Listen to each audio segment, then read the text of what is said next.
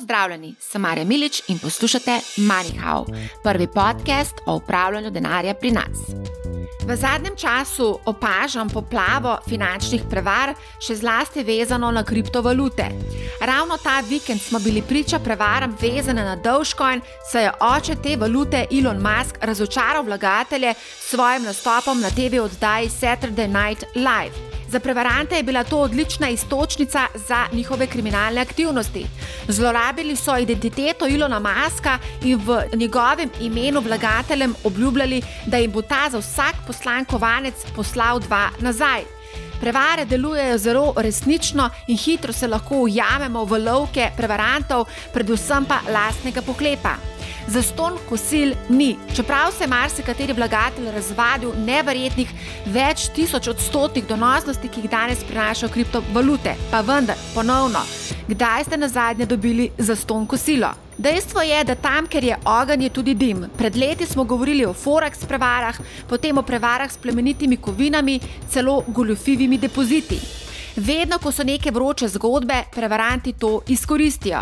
Marsikdo, ki se ujame v njihove laži, tega ne želi priznati. Pogotnejo izgubo in poskušajo na vse skupaj čimprej pozabiti. Pa morda ne bi smeli. Prevaranti se hitro prilagodijo novim razmeram. Vedno so korak pred policijo in drugimi nadzornimi organi. Že danes pa vemo, da bodo padali tudi okostnjaki iz marsikatere kriptoomare. Le počakati bo treba na ohladitev na trenutno na zelo vročem kriptoparketu. Spomnimo se leta 2008, ko je bil razkrinkar največji ponzijaž Brni Medov, sicer ugledni borznik, podjetnik in celo filantrop. Njegova ponzi schema je bila razkrinkana takoj po finančno-gospodarskem zlomu. Brni Medov je sredi aprila umrl v zaporu kot največji goljuf tega časa. Novejša globalna ponzi schema je bila razkrinkana 2017 OneCoin, ki jo je vodila tako imenovana kriptokraljica Ruža Ignatova. Ta je izginila leta 2017. Ravno te dni pa v ZDA potekajo sodbe zoper nekatere OneCoin voditelje. Prevaranti so torej postali zelo predrzni, niti ne trudijo se več zakriti svoje identitete. Pogosto so večkratni povratniki oziroma stari znanci policije, tako kot Ruža Ignatova. Pogosto so tudi sponzorji različnih dogodkov, športnih in drugih klubov, organizirajo dobrodelne akcije, oglašujejo tudi na družbenih omrežjih in tudi v klasičnih medijih. Zdi se, kot da jih nič in nihče ne more ustaviti, tudi policija ne. Pa res? O finančnih prevarah se bom pogovarjala z Davidom Gracarjem, ki je specializiran višji kriminalistični inšpektor za finančno kriminaliteto in pranje denarja. Lepo pozdravljeni. Lep pozdrav. No, kot v vodu omenjeno, smo priča pravi poplavi prevara ravno ta vikend po predvajanju TV oddaje Saturday Night Live, v kateri je nastopal tudi Elon Musk ki je eden glavnih, recimo, temu podpornikov Dogecoina. Smo bili priča tudi številnim prevaram, tako na Twitterju kot na YouTubu, verjetno tudi kje druge, na kakšnem Redditu, Dogecoin je namreč že takoj na začetku oddaje upadel za 35 odstotkov, in prevaranti so tu tudi videli svojo priložnost, praktično so šli takoj v akcijo in v imenu Ilona Maska razočaranim vlagateljem ponujali uh, možnost, da če pošljajo en Dogecoin, jim bo Elon Musk dal kar dva, oziroma še enega zraven. Tudi sama sem naletela na te prevare, delovale so v bistvu zelo, zelo resnično. Ste tudi na policiji zaznali kakšne takšne aktivnosti prevarantov? Zdaj, v konkretnem primeru, ki ga navajate, nimam informacij oziroma povrstnih prijav. Sicer pa v policiji prijave prejemamo uh, iz različnih virov in sicer nekatere so, naprimer, pisne po elektronski pošti, nekateri telefonično pokličajo in podajo prijavo. Še največ pa prijav pa podajo praktično na policijskih enotah oziroma policijskih uh, postajah. Struktura policije deluje na treh ravneh, se pravi policijske postaje, uh, kjer uh, oškodovanci običajno oddajo prijave, potem imamo pa osem regijskih enot, kjer specializirano preizkujajo določene oblike kaznjivih dejanj, hujših kaznjivih dejanj, kot nacionalni preiskovalni urad, ki v bistvu preiskuje najhujše oblike gospodarskih in pa tudi drugih kaznjivih dejanj. Eh, potem imamo pa generalno raven, s katere prihajam eh, tudi jaz, tukaj pa v bistvu koordiniramo policijske preiskave, spremljamo zadeve na nacionalni in pa mednarodni ravni in v bistvu potem na tak način pomagamo uh, k uspešnosti preiskav. V nekaterih primerjih poškodovanci ali, ali pa ljudje, ki na spletu spremljajo zadeve, uh, le to naznanijo tudi na različne elektronske predale policije, dosti krat na glavni predal policije. Zdaj, vkolikor te same te vsebine vsebujejo elemente pregonljivih kaznjivih dejanj, uh, več ali manj te zadeve potem odstapljamo pristojnim uh, enotam na regijski ravni ali pa lokalni ravni. Veliko krat pa damo samo v bistvu neke nasvete ali pa napotke občanom, na, na kak način naj v bistvu eh, ravnajo v določenih situacijah. Ja, zdaj ste omenili, da je treba pač biti aktiven in dati prijavo. Mene pa zanima, če policija tudi samo inicijativno se loti kakšnih preiskav. Vsekakor je najbolj pomembno, da se da prijava. V tem primeru policija ne mudoma v bistvu začne z zbiranjem obvestil in informacij v smeri, da se utemelji sum storitve kaznivega dejanja. Prav tako pa policija eh, zbira obvestila na spletu, pregleduje te morebitne in pa tudi ljudi potem upozarja na te morebitne eh, možne zlorabe, ki bi se lahko dogajale, ampak v teh, teh primerih so v bistvu samo to neke operativne informacije, ki bi morda lahko potem v nekih postopkih, dejanskih preiskavah potem pripomogle k samim, samim razjasnitvam ali pa se povezali z neko zadevo. Ja, koliko pa je recimo takšnih prijav, ker tukaj gre za mednarodne prevarante, niso omejeni na lokalno okolje. Ne vemo, kje je to, ne, kje je izvor. Ja, v bistvu v, v tem primeru bi lahko pač rekel, da če so zlorabili identiteto določene osebe, ki živi naprimer v tem primeru na območju Združenih držav Amerike, bi ta oseba Eh, načeloma morala dati potem prijavo pristojnim organom v tisti državi. Najverjetneje so pa potem oškodovanci, tisti, ki so nasedli okrog po svetu in v primeru, da so v Sloveniji, naprimer, bi potem slovenska policija brala vse dokaze, ki jih pač lahko v tem postopku in jih odstopila ali pa za njimi seznanila varnostne organe Združenih držav, ki bi načeloma morali voditi tisto, bom rekel, glavno preiskavo, od vseh drugih zbrati dokaze na kup in potem v bistvu bi ti dokazi lahko morda vodili do samih teh storilcev. Ne. To je v bistvu te preiskave so kot sestavljanka, ne. več imaš delov na mizi, eh, jas, jasno, če je v bistvu slika in potem je lažje priti do nekega zastavljenega cilja. Ja, koliko pa je recimo takšnih prijav? Prav prijav, ki se vežejo izključno na oškodovanja iz naslova investicijskih vlaganj, eh, je bilo naprimer v lanskem letu 83 in oškodovanja nekaj več kot 2 milijona evrov. V letošnjem letu pa beležimo še večji porast teh um, kaznjivih dejanj, sicer v prvih štirih mesecih smo obravnavali že 73 prijav z skupnim oškodovanjem več kot 2,3 milijona evrov. Tako da že v bistvu v prvih štirih mesecih smo presegli uh, lahko letne preiskave. A to so več ali manj vezane na kriptovalute, kriptožetone ali tudi kakšne druge prevare? Te preiskave so po večini vezane na kriptovalute in v bistvu gre v teh primerih eh, za neke lažne spletne platforme, kjer storilci želijo prikazati, da ljudje investirajo dejansko v neko legalno spletno platformo, v bistvu pa ne investirajo tega denarja, ki ljudje nakažejo, investirajo nikamor, ne kupijo nobenih delnic ali pa nobenih kriptovalut in potem praktično ukradejo njihov denar. Eh, po drugi strani pa prikazujejo, da imajo nekje nek znesek.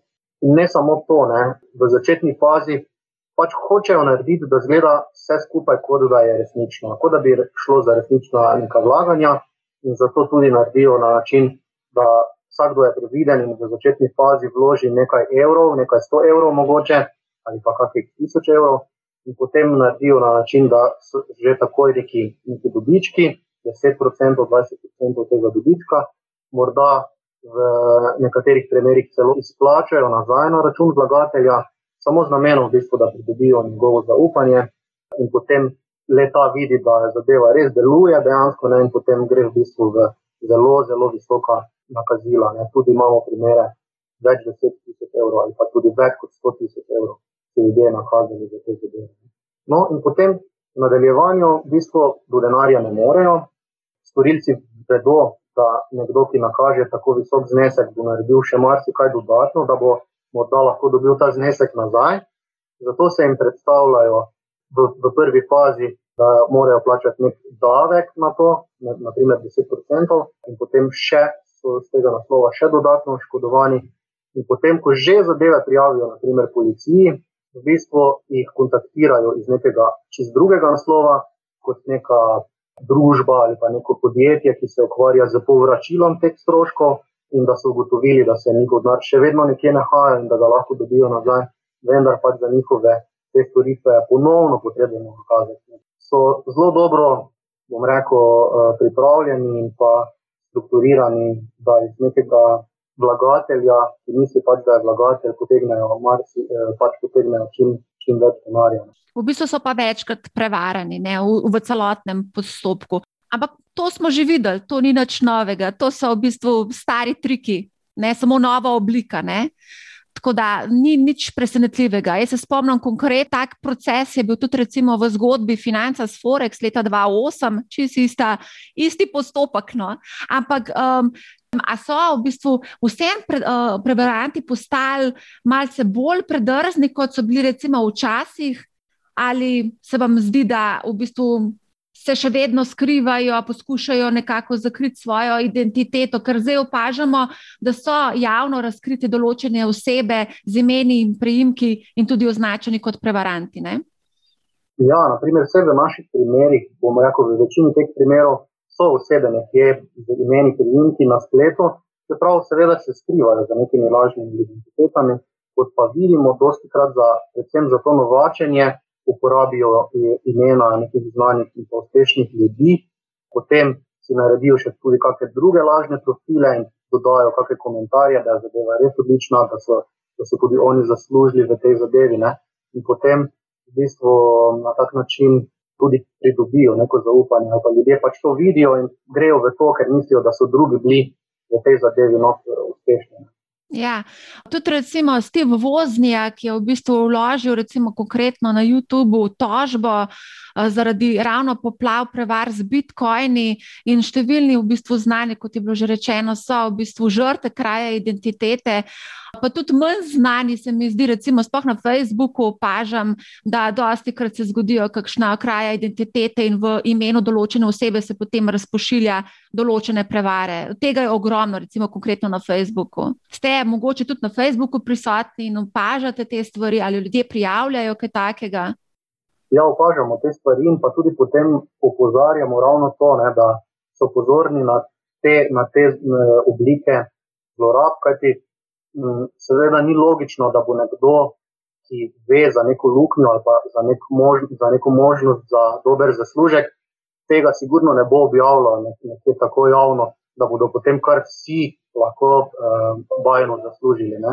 Ljudje pač nismo narejeni na tak način, nekdo, ko bo nekje videl neko možnost za zaslužek, bo sam zaslužil, ne bo tega povedal vsem. Kajti, če bi vsi lahko zaslužili, uh, potem bi slejko prej zmanjkalo tega denarja, oziroma bi bil dobiček vedno manjši. Ja, kako, kaj pa recimo narediti v tem primeru? Recimo, meni se dosti krat zgodi, da me tegajo v določenih takih zgodbah. Ne? Kaj lahko jaz recimo v tem primeru naredim? Zdaj, ime tistega, ki se zlorabi za, samo, za same poskuse, to vrstnih goljofij na spletu, tista oseba, pač, če se čuti oškodovanega, eh, menim, da je dobro, da, oziroma da je pravilno, da se prijavi zadeva policiji, kar ti, kar vsebuje elemente kaznivega dejanja zlorabe osebnih podatkov. Okay, ampak eh, dosti krat v bistvu te prevaranti posebno legalno oglašujejo svojo prevaro. Vidimo jih lahko praktično povsod na YouTubu, na TikTokih, Discordih, Telegramih. Nek poslušalec Manihava jih je označil, da jih primerja v bistvu z nigerijskimi pismi. Ampak ni čisto podobna situacija, ne? ali pač? lahko bi rekel, da mogoče v nekem delu je celo podobna situacija. Saj tudi v nigerijskih pismih pošiljatelji obljubljajo bajne zaslužke, pa potem na koncu ljudje plačujejo neke zneske, uh, pa na koncu ne, ne dobijo nič od tega. Uh, tu je zelo podobno, ampak nigerijska pisma so zelo stara oblika zlorab, ki je nekaj časa, bom rekel, v Sloveniji bila uh, praktično že stara zgodba, pozabljena. Uh, skoraj več ali manj je bilo nekaj poskusov, ki pa niso bili uspešni. Moram pa reči, da v zadnjih dveh letih opažamo zopet nekoliko povečanje tovrstnih poškodovanj iz naslova nigerijskih pisem. Naprimer, v lanskem letu smo obravnavali 19 zadev, ker je bilo več kot 400 tisoč evrov oškodovanja, v letošnjem letu pa smo obravnavali že 10 zadev z okrog 210 tisoč evrov oškodovanja. Tako da temu bi rekel, da je morda moč pripisati nekim novim uporabnikom na spletu, ki so se prav zaradi epidemije morda znašli na novo na spletu, so prvič videli v bistvu take oblike pisanj in samo nasedli. Je pa res, da se tudi storilci nekoliko prilagajajo in gejska pisanja eh, prilagodijo trenutnim razmeram. Naprimer, COVID-19, se pravi, da je nekdo bil zelo bogat, pa je imel v bistvu COVID in je umrl in zdaj zapušča pač to dediščino. Se pravi, ko govorite o nekih novih uporabnikih spleta, to govori bolj o mlajši populaciji ali govori recimo bolj o starejših? Rekel bi, da bolj starejših. Zdaj, ko gledam to statistiko um, poškodovancev kaznjivih dejanj, je v zadnjem letu dni opaziti več starejših, sicer je še vedno največ poškodovancev iz naslova spletnih goljufij eh, srednjih let, nedvomno je pa več starejših, se pravi od 60 let. Je na kakšne v bistvu spletne prevare pa v bistvu nasedemo najlažje? Številčno bom rekel, da največ nasedajo ljudje na prevare, ki se nanašajo na neke nakupe artiklov na spletu, neke zelo ugodne artikle na spletnih trgovinah, eh, predvsem po tujini, ki pa potem v nadaljevanju niso nikoli dostali. Se pravi, številčno teh poškodovanj največ, niso pa to zelo visoki zneski običajno. Kar se pa tiče poškodovanja oziroma materialne škode, bi pa rekel, da so investicijska vlaganja trenutno nedvomno na prvem mestu. Potem imamo tudi kar nekaj goljufij, kdor v poslovno elektronsko pošto, kadar storilec v bistvu vdre v elektronsko pošto neke družbe in v bistvu potem spremlja, s kom eh, ta družba komunicira, kom, kdo je kupec, kdo je prodajalec. Potem v bistvu tik preden pride do nekega nakupa, eh, nekega posla, temu, ki je kupec pošlje elektronsko sporočilo, v njem pa predrugači številko transakcijskega računa. V teh zadevah smo tudi že opozarjali v preteklosti, kaj, kaj je bilo, kaj je nek, kar nekaj oškodovanih slovenskih družb. Recimo, dosti krat slišim od raznih teh strokovnjakov spletnih, da v bistvu zelo hitro prepoznaš prevaro, če si vsaj nekoliko izobražen, sploh kar se tiče kriptoprevar ali to res drži. Ker meni se zdijo te prevare zelo zvito pripravljene in zelo hitro te lahko zapeljejo v kakšno skušnjavo. Morda bi lahko rekel, da, da tisti, ki smo, ali pa tisti, ki so že dlje časa na spletu, te poskuse goljofi razmeroma hitro eh, zaznajo ali, ali pa jih prepoznajo. Je pa res, da so nekatere res zelo dobre, dobro pripravljene in potem marsikdo lahko nasedne. Nekatere so v bistvu pa uh, res zelo očitne in bi tisti, ki je nasedel, že lahko v bistvu z nekaj kliki ali pa ključnimi besedami v iskalnikih na spletu ugotovil, da gre za zlorabo Ampak niso pa samo na spletu. Recimo, jaz sem dobila v zadnjem mesecu kar nekaj telefonskih klicev, kjer so me vabili, da ne grem z denarjem v neke naložbene, super, duper produkte, ki mi bodo seveda prinesli lepe donose. Niso bili bajni donosi, bili so ravno ta, prav taki, da te premamijo. Sploh ne vem, kje so dobili v bistvu mojo telefonsko številko. Ste opazili tudi to? Ja, v bistvu ne boste verjeli, ampak so tudi mene, na primer, klicali. ker moja telefonska številka ni objavljena nikjer na spletu, službena. Ne? Tako da, kje so dobili, ne vem, ampak očitno pač kličejo na ključne telefonske številke, se predstavijo tako, kot ste rekli, ja, da ponujajo dobiček in potem v bistvu, seveda, ne, oni lahko poskušajo v nedogled, neomejeno imajo možnosti. In če bo poklical 100 tisoč ljudi, bo nekaj od teh sigurno nasedlo. Se nima česa zgoditi. Ne? Pač probajo na vse možne načine. Kaj so pa vam ponujali preko telefonskega klica, kaj so vam ponujali, kateri produkt? Sploh nismo prišli tako daleč, zato ker pač sem zadevo prekinil, ne? ker nima, pač nima smisla se pogovarjati z, z njim, ker pač vem, da je goljuf. In... A ste naredili prijavo policiji?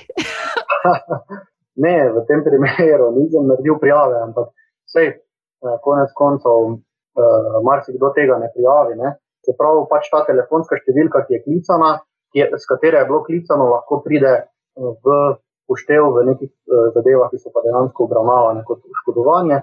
kaj ti pač te telefonske številke se nekje potem zbirajo, morda se povežejo z drugimi preiskavami eh, varnostnih organov v tujini in potem lahko dobimo kako boljšo sliko v samih preiskavah. Jaz opažam, da je marsikomu precej nerodno prijaviti, oziroma sploh povedati, da je bil ogoljufan koliko, sem zdaj, verjetno se ne obračajo na policijo, ampak nekako to potlačijo in nekako poskušajo pozabiti. Tako je bilo v bistvu v vseh 15 letih, kar jaz spremljam prevare, vedno se najde določen odstotek eh, ljudi, ki so bili ogoljufani, da pač enostavno ne želijo tega priznati.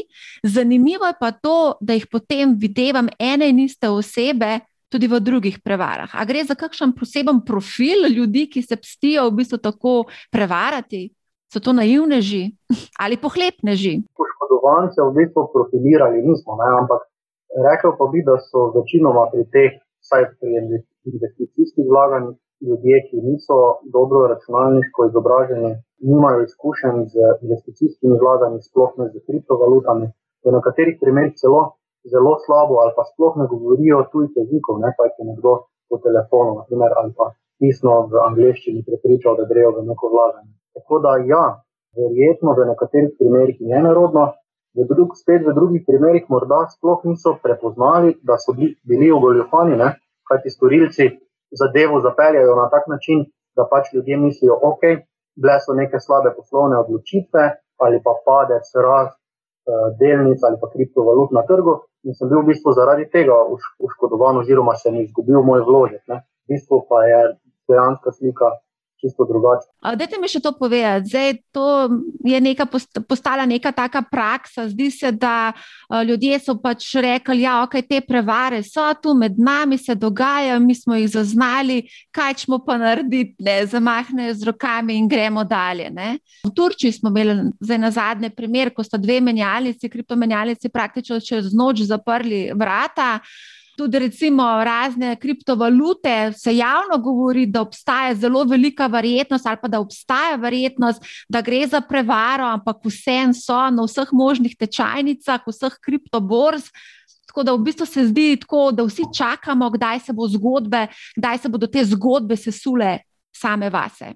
Vkolikor dejansko pride do oškodovanja in se potrdijo, oziroma utemeljijo ti sumi kaznivega dejanja, potem lahko še le policija govori o neki zadevi, da je v bistvu ilustrija. Zdaj, dokler pa zadeva laupa, so vsi zadovoljni, imajo nekaj od tega, pa je pač v tej fazi strani preiskovalca ne mogoče eh, reči, da bi da neka zadeva ali eh, po eni strani, da je pač fake.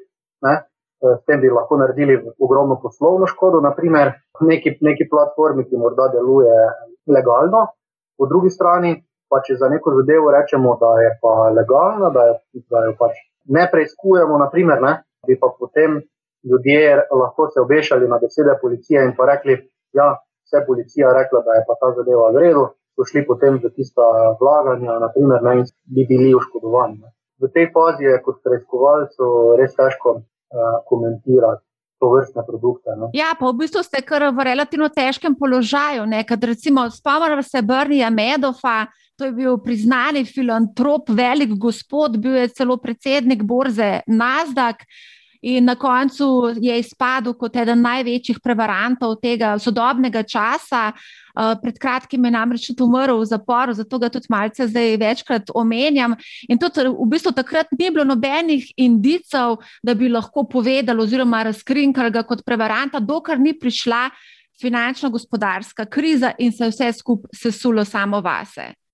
Tudi v bistvu pri financah s Forexom smo imeli dosti podobno zgodbo. Torej, zdaj še ne vemo, kaj bo padalo vse, iz katerih okosnjaki bodo padli, iz katerih omar. Ne. Tako da dejstvo pa je, da že vemo, da bojo padale uh, omare, okosnjaki in glave, verjetno. Ne. Ja, v teh primerih eh, res. Eh, kadar gre dejansko za te, bom rekel, bolj denarne verige, ne, v bistvu, ko ni nekih novih vlagateljev zaradi slabih razmer na trgu, potem lahko, kot ste rekli, ja, padejo kot pokosnjaki, ker v bistvu tisti, ki so delali to na nelegalen način, več niso zmožni izplačevati tistih, ki grejo ven iz tega. In potem šele takrat oškodovanci ugotovijo, da so dejansko oškodovanci. Ne? pač tukaj je potrebno vedeti, da še vsako, vsako vlaganje še ne pomeni v bistvu kaznivega dejanja. Kajti, zakolikor ljudje vlagajo v neko zadevo in so dejansko potem iz tistih njihovih vložkov kupljeni vrednosti papiri, naprimer kupljene kriptovalute, ampak so res bile neke slabe odločitve ali pa dvigi padci cen na trgu in je pač ta, ki je upravljal, ta platforma, ki je upravljala z, z denarjem tega vlagatelja, naprimer, dejansko vlagala, potem tukaj v tej fazi sploh ne moremo govoriti o elementih kaznivega dejanja. Zdaj, ko govorimo o tem, mogoče lahko omenimo tudi ICO, je prva izdaja žetonov, vroča zgodba leta 2017, zdaj v drugem valu se mi zdi, da se niso tukaj ICO-ji prijeli tako kot leta 2017. Ne? Številni projekti so nastali čez noč, obljube so bile dane, veliko milijonov je bilo investiranih strani malih vlagateljev v te zgodbe, večina projektov je propadla in seveda imajo zdaj izdajatelji ICO-jev priročen izgovor, da je šlo za pač start-up in po statistično gledano večino start-upov tudi propade. Zdaj pa ne vem, no, se mi zdi, da lahko danes res čisto vsak napiše pravljico, jo, da jo nekje na spletu objavi in začne zbirati denar, in je to to. Ne? Kako? Brez posledic. Ravno tukaj je potem policija, kadar prejme prijavo oškodovanja z tega naslova, mora dokazati naklep tega storilca. Ne? Se pravi, če je on šel v to zadevo, se pravi v nek posel z vlagateljem, je od njega sprejel denar in je že v samem startu vedel, da se nič od tega, kar lažnivo prikazuje, ne bo zgodilo, potem gre v bistvu za elemente kaznivega dejanja in pa ta naklep, ki ga je storilec eh, izvršil. V tem primeru, ko policija to potrdi, seveda potem poda kazensko vadbo na pristojno državno tožilstvo, če pa tega naklepa ne moremo potrditi, potem pa tožilstvo v bistvu seznanimo lahko samo s poročilom. Ja, se v bistvu, verjetno so tudi te, ki, veliko, ki so veliko obljubljali, so vedeli, kaj morajo narediti. Ne. Se pravi, v bistvu nekaj minimalnega so potem naredili, zgodbo zaključili, pobrali denar in stvar se je zaključila. Ne. Ja, lahko, lahko da so naredili na tak način, ampak ko policija to preiskuje, potem tekom preiskave naredi naprimer, tudi finančno preiskavo in ugotovi, kaj se je dejansko dogajalo z tem denarjem, ki so ga ljudje pač vložili se pravi, ali so samo z nekim delčkom dejansko kupili uh, neke vrednostne papirje ali pa kriptovalute z namenom, pač, da bi zakrili tisto sled ali pa tisti naklep, da imajo namen ali vložek ukrasti, ali pa so dejansko celo uh, naredili točno tako, kot so za neko pogodbo jamčili pri teh ICO zgodbah je bilo bolj v bistvu ideja, neka poslovna ideja, da bodo razvili neko zgodbo, ki bo delovala na blockchain tehnologiji. Ne? Niti ni šlo toliko za to, da bodo uh, investirali denar vlagateljev v druge valute. Se pravi, gre, gre za neko poslovno idejo, ki, ki je v večini primerov bila zelo futuristična, težko eh, izvedljiva, ne? pa vendar so pobrali kar nekaj denarja. Zdaj so večinoma že zaprli trgovino, če lahko tako temu tako rečem. Ne? Ja, v tem primeru bi se poleg tega, pač, da se bi ugotavljalo, kam je šel dejansko ta denar, ugotavljalo tudi, ali so storili kaj v tej smeri, da bi dejansko zagnali neko podjetje, ki bi bilo uspešno, ali niso na tem sploh delali. Ne, S tem izpolnili neke uh, elemente, ki jih imamo. Ma se mi zdi, da je to tudi dosti enostavno za fejkat. Ne? Pač narediš nekaj, jih to, da pokažeš policiji ali pa komorkoli drugemu. Ja, vse, mogoče so lahko provali za fejkat, ampak pač te zadeve je treba res tekom preiskave zelo dobro preveriti in ugotoviti dejansko stanje. In v bistvu potem te ugotovitve ustrezno ovrednotiti. Pa so bile spisane kakšne kazenske ovadbe, prav konkretno vezano na ICO-je, ali pa če so bile kakšne preiskave vezano na ICO-je?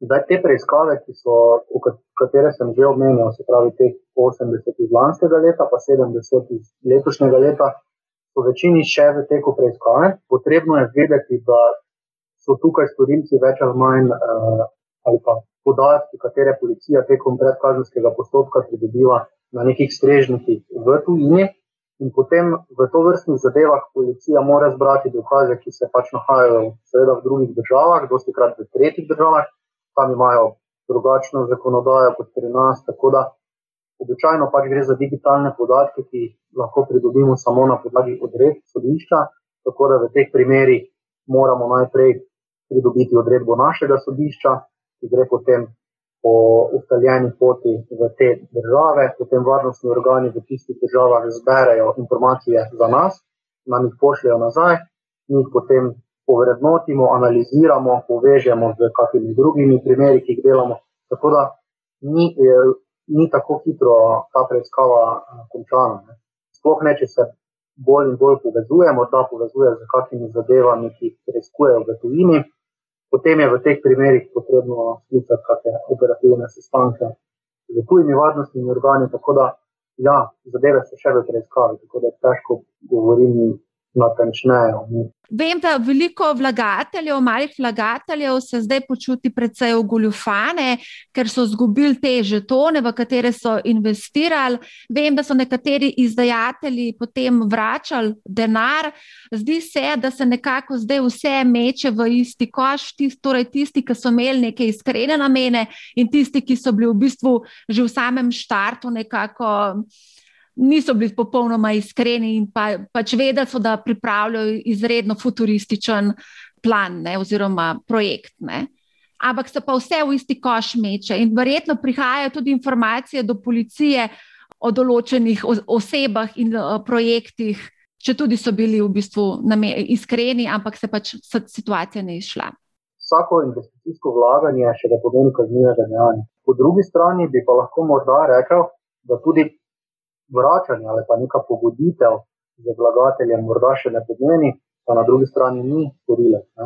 Kaj ti to bi v, lahko naredil tako kot v primeru, ko v, v začetni fazi eh, vrnejo nek dobiček poškodovancu z namenom, da pridobijo njegovo zaupanje. V tem primeru bi lahko morda se pogodili z oškodovancem, mu neki, neki znesek vrnili, samo z namenom, da pač ta oškodovanec zadeve ne prijavi policiji, da jih ne blati na uh, družbenih medijih, uh, in potem mogoče ta la, lažna platforma ostane dve časa aktualna. Tako da, ja, uh, morda je tudi to del takih sterilcev. Ja, vem pa tudi, da nekateri izdajatelji uh, teh žetonov so jih mali vlagatelji stisnili, recimo, temu v kot. So v bistvu mimo policije nekako izsilili svojo pravico oziroma vračilo denarja. A ste morda seznanjeni s tem? Te informacije nimam, je pa čisto možno, ne, da so v bistvu si niso hoteli narediti take poslovne škode, da bi imajo mogoče ogromno vlagateljev, ki so zadovoljni, so v bistvu z tistimi nekaj nezadovoljnimi poračunali in zveče na tak način. Morda tukaj res ni elementov kaznjega dejanja goljofije in potem sploh ni potrebe prijave. A so se morda kakšni izdajatelji obrnili na policijo po pomoč, da so žrtve recimo mobinga malih vlagateljev? Ne, tega, te informacije nimam. Če pa se že so, pa so se morda kje v tujini. A se lahko dotakneva še mečkan OneCoina? Ko neuradne informacije se širile tle po Sloveniji, po medijih, da je med 10 in 15 tisoč slovencev bilo oškodovanih v tej prevari. Ta šefica uh, Ruža Ignatova je bila celo označena za kripto kraljico, je pa tudi stara znanka policije, je profesionalno, očitno prevarantka, ampak zapor jo pa ni rehabilitiral, kako bi temu rekla. A mogoče kaj spremljate to zgodbo OneCoin? Zdaj, konkretne preiskave, eh, pa ne govorim, da zadevo preiskujemo, ne bi želel komentirati, že zaradi tega razloga, ki sem ga tudi omenjal. Ti, naprimer, če ne eh, utemeljimo sumo storitve kaznivega dejanja, potem morda platforma ni lažna, naprimer, in se ljudje niso bili oškodovani. Res ne bi, ne bi želel izpostavljati neke konkretne zadeve. No, tle, v tem konkretnem primeru je šlo za uh, klasično piramidno schemo, tako da že tuji organi so to povedali oziroma poročali, da, jo, da, v, da so v lovu za ružo. Vkolikor zadevo v vseh primerih, no, kadar dobimo prijavo in je, in je pač nekdo oškodovan, policija že po zakonu mora storiti v bistvu vse, kar je potrebno, da se odkrije storilec in pa da se v bistvu zavarujejo sledovi. Tako da tudi v tem primeru, koliko se zadeve preizkujejo, bomo nedvomno naredili prav to. Je pa tako, no, je bilo kar nekaj tudi promotorjev v Sloveniji, OneCoina, niso se skrivali, to so z imeni in primki nastopali javno in promovirali OneCoin. Zanimivo je pa to, da jih jaz konkretno sem te osebe videvala tudi v drugih prevarah, večino v financah, Forexu, pa potem ali v Unajku. Tako malo se selijo iz ene prevare v drugo prevaro, seveda zdaj so zelo aktivni na kriptu.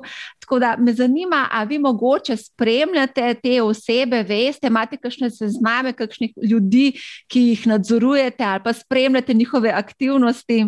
Že policija v skladu z zakonodajo vodi sezname oseb, ki so naprimer osumljeni kaznjivih dejanj, tako da tudi v primerih investicijskih vlaganj so nekatere osebe osumljene kaznjivih dejanj. Vendar v samem postopku je potrebno te sume utemeljiti in potem v nadaljevanju zoper njih podati kazenske ovadbe. Zdaj, v primeru financa s Forexa je bilo dosti jasno. Stvar se je sesula, bila je piramida, bil je klasičen natek. Ne? Ampak te osebe so pa v bistvu nekaznovane, se pravi, še vedno so aktivni prodajalci visokih donosov, kakršnih koli produktov. Mislim, zdi se, kot da lahko oni v bistvu to počnejo brezkrbno na območju Slovenije, kot da policija jim nič ne more. Tako to zgleda. Ja, vkolikor mi spremljamo te prijave in v bistvu osebe uvadimo, še ne pomeni, da so dejansko to storile in so že kar kaznovane. Zato seveda je pač potrebno še eh, dati skozi kazenski postopek in v bistvu se pravi, da policija v teh primerih njih uvadila za storitev kaznjega dejanja in temeljila te sume, potem bo nedvomno sledil kazenski postopek, razen če bi seveda tožilstvo eh, zavrglo kazenske vadbe. Ja, v Sloveniji v bistvu je zelo malo ljudi eh, bilo kaznovanih, eh, vezano na razne te prevare. Eh, na zadnje je bil Nelo Marconi iz Remijusa obtožen poslovne goljofije. Mislim, da je odsedel kar nekaj let v zaporu, zdaj mislim, da je že zunaj. Ampak iz tistega časa, ki se je bil, ki je bil financas Forex in druge forex prevare, uh, se v bistvu ni prav veliko zgodilo no, tem promotorjem. Pač namoteno so potem šli na kriptovalute. No, ne razumem, zakaj se jim ne stopi na prste, ali pa saj da jasno vedeti, da policija ve, da, se, da pač kaj počnejo. Je pa verjetno obstaja tudi možnost ta, ne, da tudi sami ne vedo, da, so, da v bistvu promovirajo prevaro, čeprav to je zelo tak izgovor, no? ki mu težko verjamemo. Ja, zdaj, v sklopu same preiskave je pač potrebno ugotoviti, ali je tisti, ki je dejansko promoviral, od tega tudi zaslužil. In pa, tako kot sem rekel, na klep, sam na klep, ne, ali je on vedel, da to, kar dela, eh, da je to nelegalno, oziroma protizakonito, oziroma tisti ljudje, ki noter v to vlagajo, potem na koncu ne bodo dobili ne dobička, in pa ne samega vložka nazaj. Tako da te zadeve je potrebno dokazovati in pa na vse zadnje tudi dokazati v sami preiskavi. Zdaj, zadnje čase je opaziti, da je ločnica med legalnim in ilegalnim vse tanjša. Manipulacije se konstantno dogajajo na kriptotrgu, tudi Elon Musk konec koncev vsak dan manipulira uh, s trgom, z Bitcoinom in z Dogecoinom, ne, in se mu praktično nič ne zgodi. Tudi uh, ameriški preiskovalni organi ali pa nadzorni organi ne ukrepajo. Uh, vidimo veliko aktivnosti na Redditu, ker lahko v bistvu vsak začne neko zgodbo in če postane viralna, uh, to je bilo tudi v primeru Wall Street Bets, ne, uh, lahko dejansko sesujejo finančni sistem, če se dost angažirajo. Zanima me, ali mogoče spremljate te kanale, kot so Reddit, TikTok, YouTube, uh, Discord, Telegram in a spremljate dogajanje tam, ker tam je v bistvu leglo prevarantov. Ja, zdaj, koliko je on ali pa določene osebe, ki so vplivne na spletu, na družbenih omrežjih, uh, vidimo, da lahko v bistvu že z sam, samo objavo, samim tweetom dvignejo ali pa spustijo vrednost same virtualne valute. Naprimer, vkolikor je to vrsta manipulacija, bom rekel, kazniva v določeni državi, potem je seveda na organih v tisti državi, da ustrezno reagirajo. Če je naprimer, v tem primeru to prekršek ali pa kaznivo dejanje na območju Združenih držav, potem verjamem, da bi uh, organi ustrezno sprožili neke postopke zoper te osebe. Ne? Ampak, kot vemo, to so v bistvu podjetniki, delajo vse z namenom dobička in seveda ne, v teh primerih, naprimer, javno objavijo, da bojo kupili virtualne valute v ne vem kolikih milijonih ali celo milijardah evrov oziroma dolarjev, z namenom, da to virtualno valuto promovirajo, dvignejo vrednost. Sigurno pa potem po drugi strani, ko bojo pa šli v prodajo, te virtualne valute tega ne bodo predhodno javno objavili. Ne? Bodo v bistvu oni tisti, ki bodo zaslužili, ostali vlagatelji, ki bodo pa dlje časa držali virtualno valuto, bodo pa verjetno prav zaradi tega poškodovani. Ne bodo imeli dobička, oziroma bodo imeli izgube. Zdi se, da v tej dobi digitalizacije nekako ni težko narediti prevaro. Mislim, prebaranti so izredno, izredno, recimo, digitalno pismeni, tudi finančno pismeni, se zdi.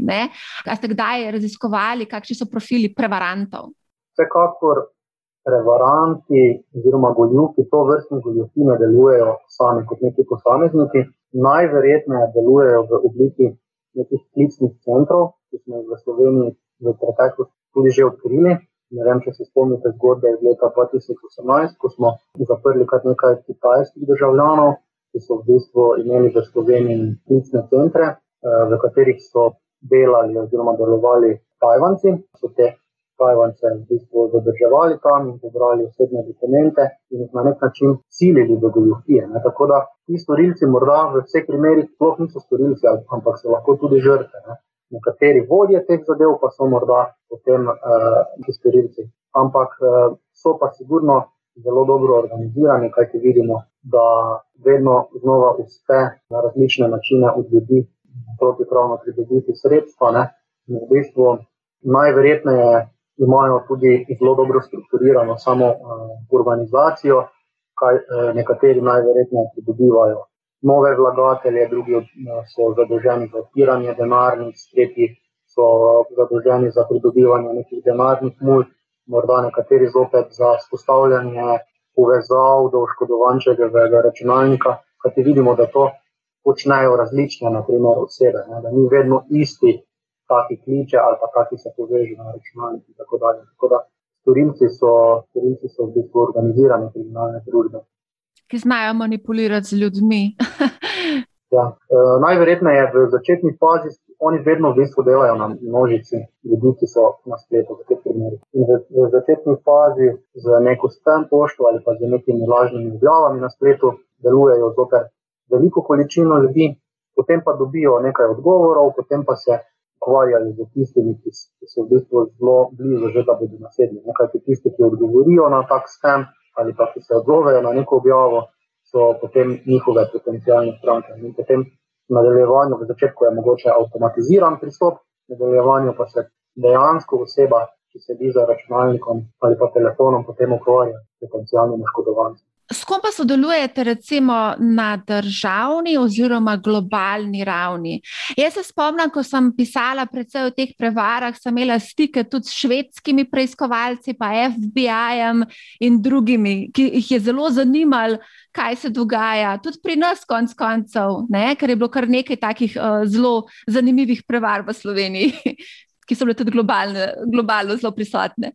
Ja, policija uh, v Sloveniji sodeluje z vsemi organi, pač, ki bi lahko pripomogli bodi si k odkrivanju, preiskovanju ali pa samemu preprečevanju tovrstnih kaznivih dejanj. Tako da v Sloveniji, na primer, sodelujemo z Uradom za preprečevanje pranja denarja, Agencijo za trg vrednostnih papirjev, potem Združenje bank Slovenije, finančno upravo.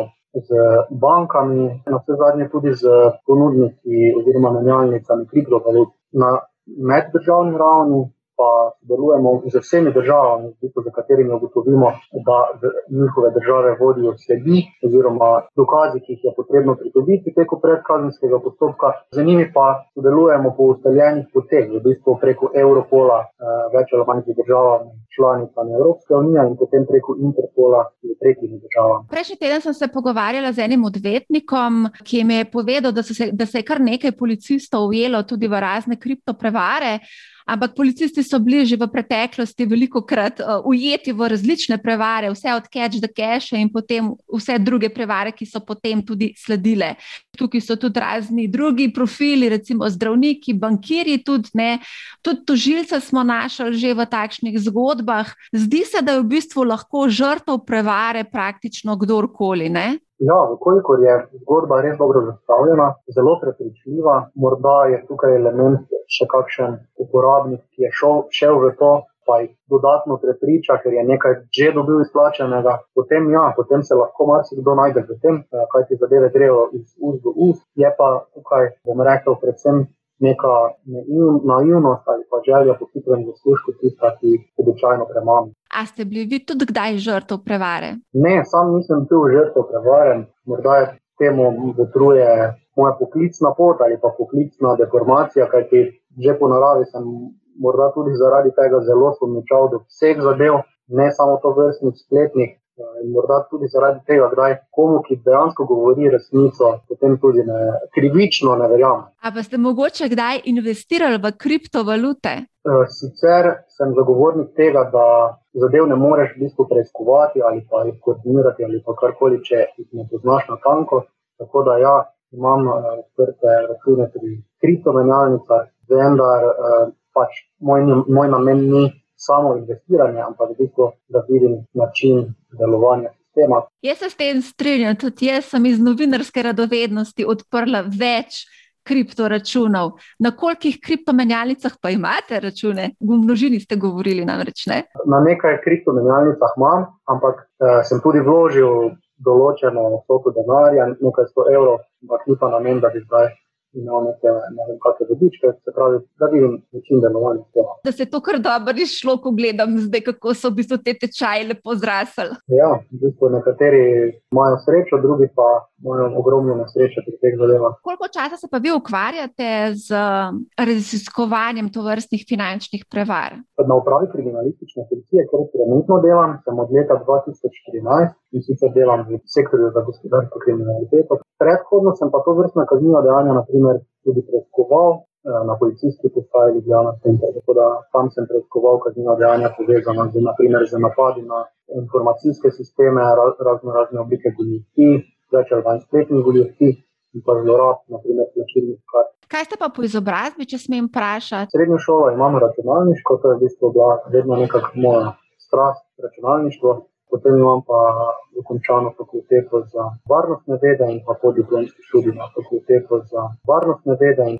Aha, kje se pa sicer izobražujete o tovrstnih prevarah, ker tega ni v učbeniku? Največ se sigurno naučiš tekom nekih preiskav, kajti tako kot sem dejal, sem zagovornik tega, da moraš, če hočeš zadevo preiskati ali pa preiskovati, natančno vedeti, kako je deloval v bistvu storilec. Tako da, ko se nekaj zgodi, je treba ugotoviti, kako zadeva deluje. Tako da tukaj dosti informacij dobimo, drugače pa. Tako kot vsi, verjetno na spletu. Ja. Uh, morda imate kakšne posebne uh, preference glede obiskovanja določenih mest, kje, kje se največ zadržujete oziroma izobražujete? Uh, bom rekel, mogoče največ iz, iz informacij tujih varnostnih organov, naprimer, ali pa na kakšnih mednarodnih usposabljanjih, ki se jih pač udeležujemo trenutno sicer preko virtualnih konferenc, drugače pa eh, tekom eh, preiskav v preteklosti, pa upam, da tudi v prihodnosti potujemo pač v države, v katerih imamo te operativne sestanke, se pravi kriminalisti ali pa inšpektori iz držav, iz različnih držav, ki delajo prav na tem področju se tam dobimo, izmenjamo dobre in slabe prakse, eh, ali pa se dobimo na operativnih sestankih, kjer v bistvu potem koordiniramo neke zaključne akcije. A pa morda kakšen YouTube pogledate? Ja, morda tudi vašega. Morda ne? tudi mojega. Upam, da boste pogledali. No, je kar nekaj zanimivega materiala. Da ti mi še to povedati. Jaz, recimo, kot novinarka, sem se pogosto udeleževala raznih teh prevar. Spomnim se, da sem bila enkrat na enim res, res dolgi seansi v Hali Tivoli. Je bilo to, ker je bilo na tisoče ljudi, osem ur sem zdržala, ker so res dobesedno prali možgane ljudem. Potem sem bila še na nekaj drugih teh predavanjih, kjer so v bistvu poskušali prepričati prepričati ljudi, da investirajo. A se tudi vi udeležujete kot undercover policist uh, takšnih predavanj oziroma takšnih promocijskih aktivnosti prevarantov? Ne, sam se to vrstnih predavanj rekel, eh, ne udeležujem. Eh, v bistvu se to vrstni prikriti ukrepi lahko izvajajo samo na, pod, na podlagi odredb sodišča ali pa tožilstva. In zato imamo prav posebno namenjeno policijsko enoto, ki potem nadaljevanju izvaja te prikrite ukrepe, kaj več pa že zaradi samega, same narave dela policijskega, o tem ne bi mogel povedati. Dosti, kad so v bistvu tako, kot zdaj govorite, ne, se sliši, da delo kriminalista je zelo razborljivo, zanimivo, adrenalinsko. Mi si pogosto predstavljamo, da je to dost hollywoodsko, pa je res hollywoodsko. No, zadeve so čisto eh, odvisne od samega primera, ki ga trenutno delamo. Veliko krat pride do tega, eh, da moramo zelo hitro reagirati, in je tudi od te naše reakcije odvisno, ali bo morda tisti, ki je oškodovan na drugi strani, uspel dobiti povrnjen eh, znesek oškodovanja. Naprimer. Tako da v teh primerih imamo določene roke, ki so pač določeni z zakonom. In v teh primerih moramo biti praktično konstantno na vezi z tako že tujimi varnostnimi organi, prisotni moramo biti na raznih operativnih sestankih, jih izvesti hitro. In v bistvu v teh primerih je tudi zelo adrenalinsko. Seveda pa na koncu koncev gremo v kakšne hišne preiskave, tudi takrat je adrenalinsko.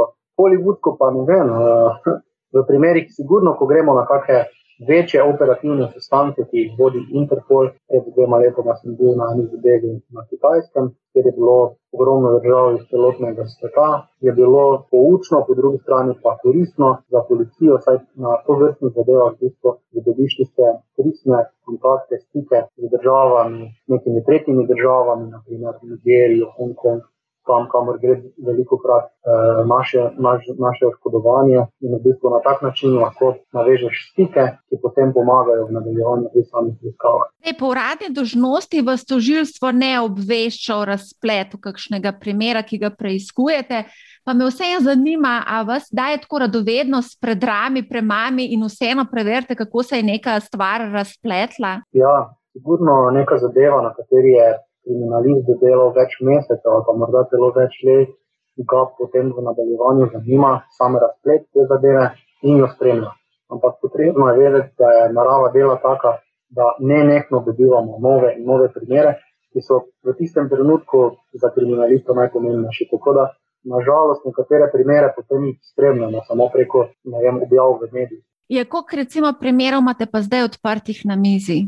Ja, tako kot sem dejal, naprimer, te zadeve, ki so bile prijavljene na rekel, v lanskem letu, pa v letošnjem letu, so več ali manj še vedno v fazi preiskav. Tako da, če se štejem, je nekje okrog 150 zadev. To je pa kar velik, ne? Veliko je zadev, nekatere se povezujejo med sabo, tako da je ogromno ene analize za narediti.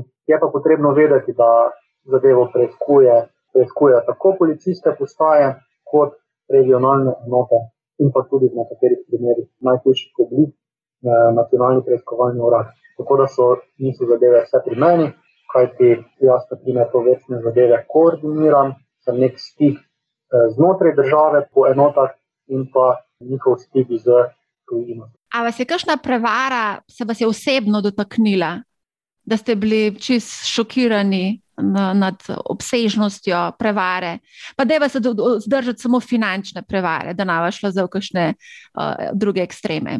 Ja, nekatere, nekatere so res grozne, bom rekel, no, ko pač ljudje zastavijo toliko denara, denarja, da v bistvu morajo najemati kredite in se potem v bistvu čisto na dnu. No. Tako da te zadeve so sigurno se te osebno dotaknile. Mogoče so kakšne usporednice današnjih prevar s preteklimi? Nekaj so sicer že omenila, da nekako forma ostaja.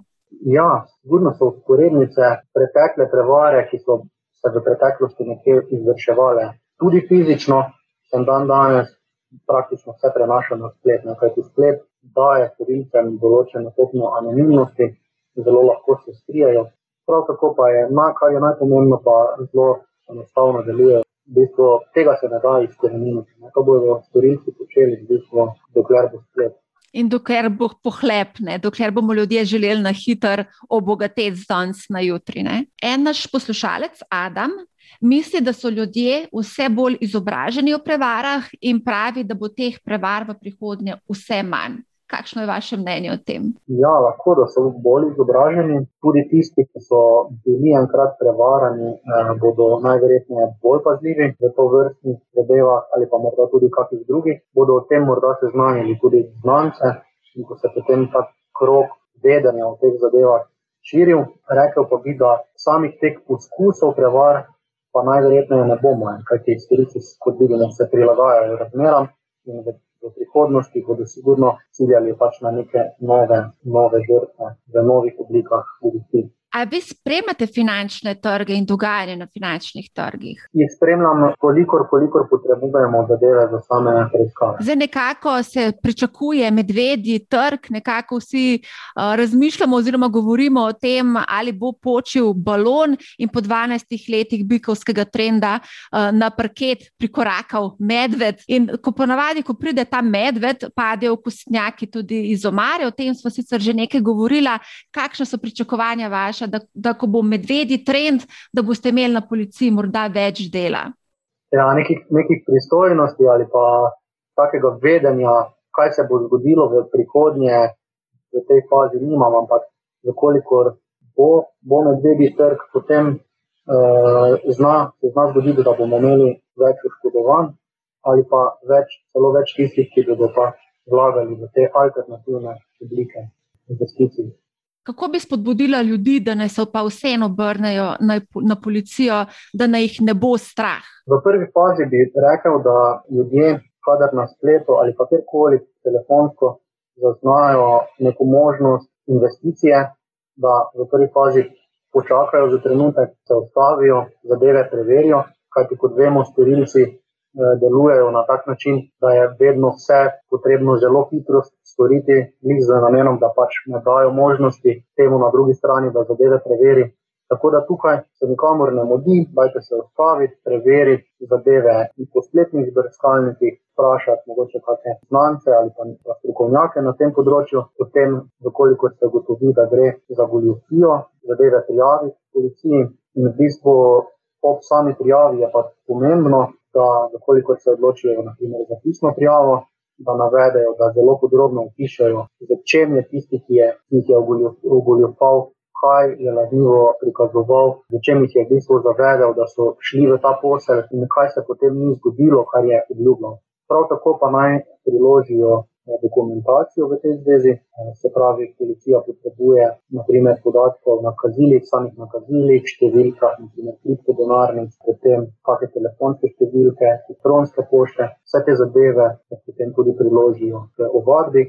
In pa še to je pomembno, da se zadeve prijavijo čim prej, kajti tudi tega je odvisno, če bo policija ali pa kak drug eh, organ, naprimer urad za preprečevanje pranja denarja, lahko uspel zaustaviti nadaljne oškodovanje. Ali... Zdaj, pred časom, ko smo se pogovarjali za ta intervju, uh, ste mi povedali, da ste bili na eni televiziji, na eni oddaji in da ste potem prejeli kar nekaj klicov, ker so vas ljudje spraševali, za, če gre za prevaro, če je tista uh, naložba, v katero so investirali, prevara. Se obračajo tudi ljudje, recimo, ko so nekako sumličavi, oziroma ne vejo, ali je ali ni, tudi na vas in jim tudi znate odgovoriti na vprašanje? Ja, ljudje pač, ko vidijo nekje zadevo objavljeno, da se preizkuje, potem postanejo pozorni, mogoče prej sploh niso bili in v bistvu eh, potem sprašujejo, eh, ali so bili oškodovani ali ne v tej zadevi. Ampak, kot sem že omenil, vsako vlaganje še ne pomeni kaznivega dejanja, vendar, če storilci delujejo na način, kot smo ga opisali, eh, naprimer, da eh, je značilno za njih je, da objavljajo zadeve preko družbenih medijev, da so nekatere osebe, znane osebe s tem obogatele. To je že en indic. Potem zelo znano je, da se na njihove računalnike povezujejo preko raznih aplikacij, kajti ti, ki, so, ki želijo vlagati, nimajo zadostnega znanja. Da bi, na primer, sploh odprli virtualne znamke, in tako naprej, in mislijo, da so ti njihovi osebni asistenti v bistvu zelo ustrežljivi, da jim to vse pomagajo, po drugi strani pa na njihovem računalniku odpirajo denarnice, eh, virtualne denarnice z njihovimi imeni, kar posledično pomeni, da že imajo dostop do njihovih denarnic. Ljudje jim prav tako dajo, naprimer, gesla njihovega spletnega bančnika in tako naprej. To so vse neki indici, da gre za kaznivo dejanje, kajti eh, dejanski nek blagat, dejanski nek ponudnik, mislim, da si tega ne bi smel privoščiti da ne upravičeno dostopa naprimer, do spletne banke tega vlagatelja. Ja, jaz upam, da se to ne dogaja. To se mi zdi tako neverjetno, da bi nekdo dal te podatke nekomu, ki ga v bistvu sploh ne poznaš. Ne?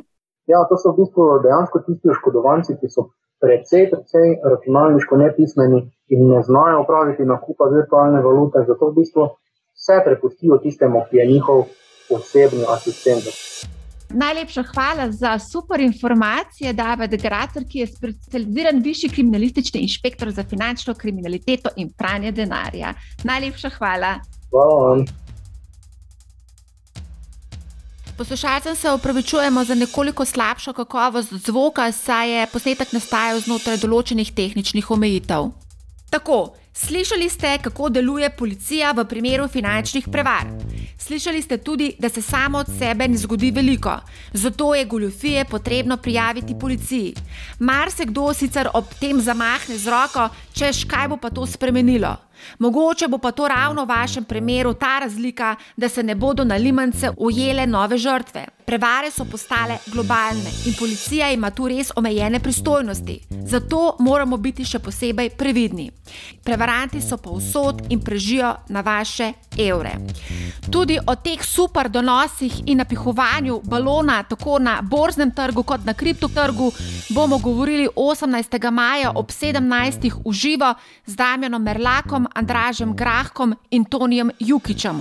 Vse omenjene ste imeli tudi že priložnost slišati na Manihau. Prijavite se preko spletne strani businessspace.com v zavihku dogodki.